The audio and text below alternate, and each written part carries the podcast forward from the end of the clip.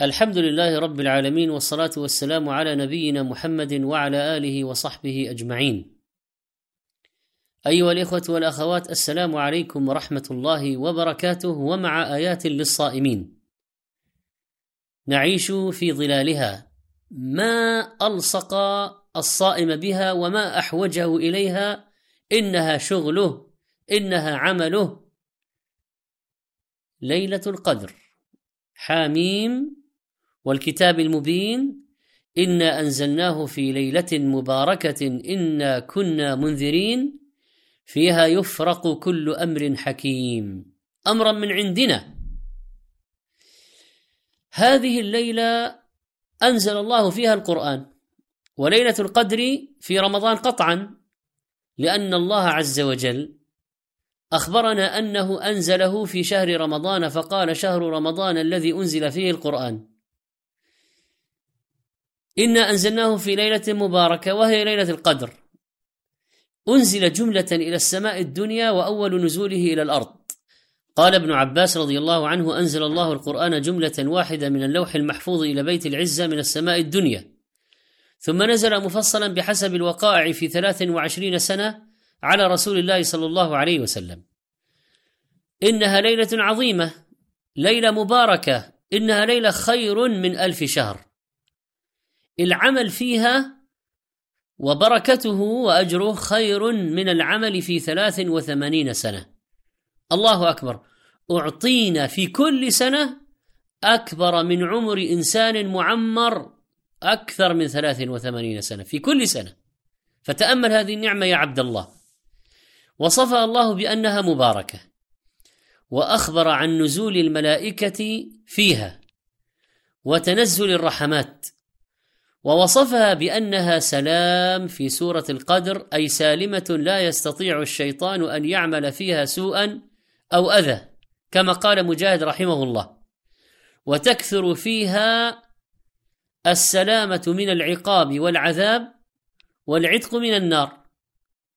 إنها ليله يفرق فيها كل أمر حكيم. يفصل من اللوح المحفوظ إلى ألواح الكتبه من الملائكة أمر السنة وما يكون فيها من الآجال والأرزاق من أولها إلى آخرها.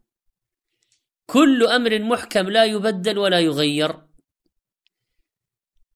لقد علمه الله من قبل ولكن يظهره للملائكة في هذه السنة ويأمرهم بفعل ما هو من وظيفتهم. مهمة عمل لهم لسنة كاملة. متى يخبرهم ويعطيهم هذه الأوامر في ليلة القدر. ويفصل لهم من اللوح المحفوظ ما قدره في هذه السنة لتقوم الملائكة بالعمل على تنفيذ أمر الله. من قامها إيمانا واحتسابا غفرت ذنوبه. يغفر الله عز وجل لمن قامها مؤمنا بها محتسبا للأجر فيها. وهنالك شيء عجيب. تتداخل أسباب المغفرة والرحمة. من صام رمضان إيمانا واحتسابا غفر له ما تقدم من ذنبه. من قام ليلة القدر إيمانا واحتسابا غفر له ما تقدم من ذنبه. سبحان الله من قام رمضان إيمانا واحتسابا غفر له ما تقدم من ذنبه. فهذه أسباب مغفرة ما تقدم من الذنوب في صيام رمضان وفي قيام رمضان وفي قيام ليلة القدر بالذات أيضا. تصديقا بوعد الله بالثواب وطلبا للأجر ايمانا واحتسابا وليس لقصد آخر لا رياء ولا سمعه. لماذا كان النبي صلى الله عليه وسلم يعتكف في العشر الأواخر؟ لأجلها. وعن أبي سعيد الخدري رضي الله عنه أن رسول الله صلى الله عليه وسلم اعتكف العشر الأول من رمضان ثم اعتكف العشر الأوسط في قبة تركية. الخيمة وكل بنيان مدور يسمى قبة. قال على سدتها حصير فأخذ الحصير بيده فنحاه في ناحية القبة ثم أطلع رأسه فكلم الناس فدنوا منه. فقال إني اعتكفت العشر الأول ألتمس هذه الليلة ثم اعتكفت العشر الأوسط ثم أتيت. فقيل لي إنها في العشر الأواخر فمن أحب منكم أن يعتكف فليعتكف فاعتكف الناس معه. قال عليه الصلاة والسلام وإني أريتها ليلة وتر وإني أسجد صبيحتها في طين وماء. فأصبح من ليلة إحدى وعشرين وجاء في ليلة ثلاث وعشرين. وقد قام إلى الصبح فمطرت السماء فوكف المسجد. لم يكن سقفه يمنع المطر لقد كان من جريد النخل. فوكف المسجد فأبصرت الطين والماء فخرج حين فرغ من صلاة الصبح وجبينه وروثة أنفه عليه الصلاة والسلام. فيهما الطين والماء. وإذا هي ليلة إحدى وعشرين من العشر الأواخر. رواه مسلم. وفي رواية فنظرت إليه وقد انصرف من صلاة الصبح ووجهه مبتل طينا وماء متفق عليه.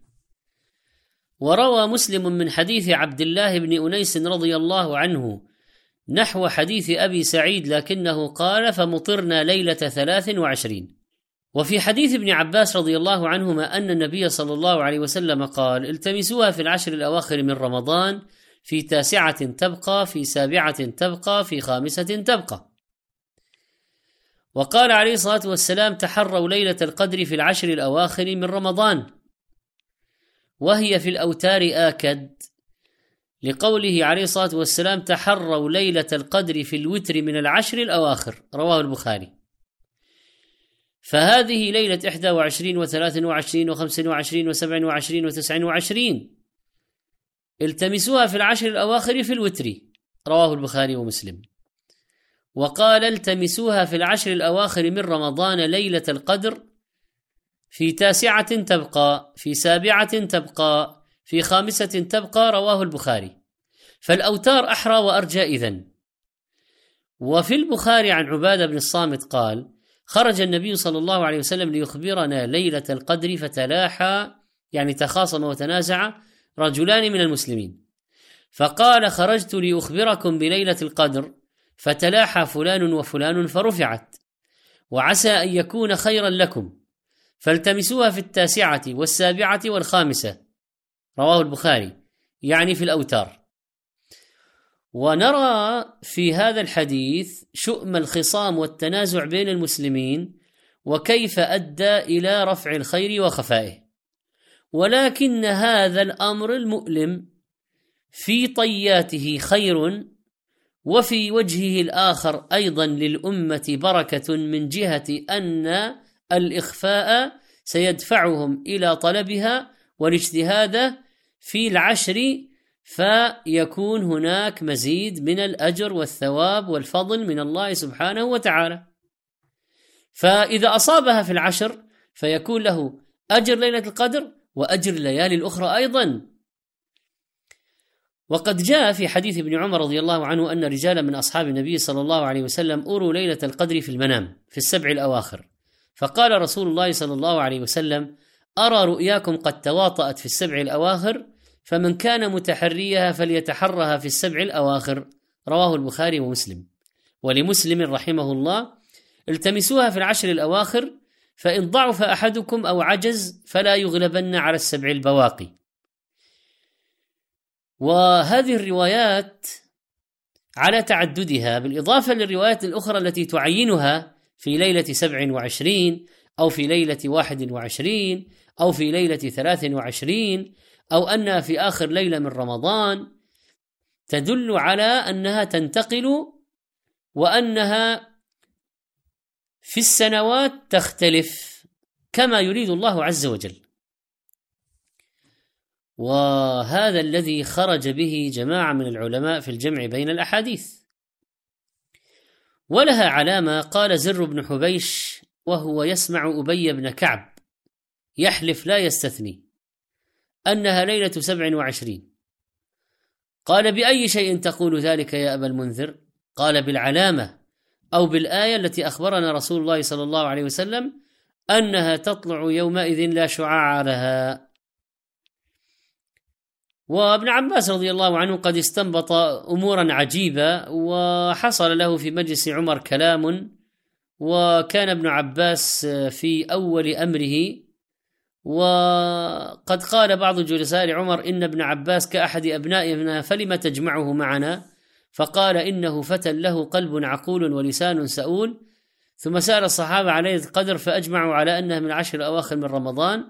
فسأل ابن عباس عن ذلك فقال إني لاظن أين هي إنها ليلة سبع وعشرين.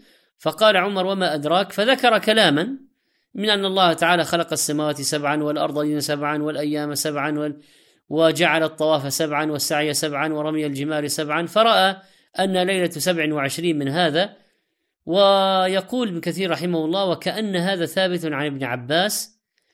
وعلى أي حال آه، كون آه، كلمة فيها آه، في سورة القدر هي الكلمة السابعة والعشرين قد قال بعضهم أن هذه قرينة ولكن هذا ليس دليلا شرعيا ومثل هذه الحسابات أو المصادفات لا يعتمد عليها في إثبات أي ليلة هي ليلة القدر.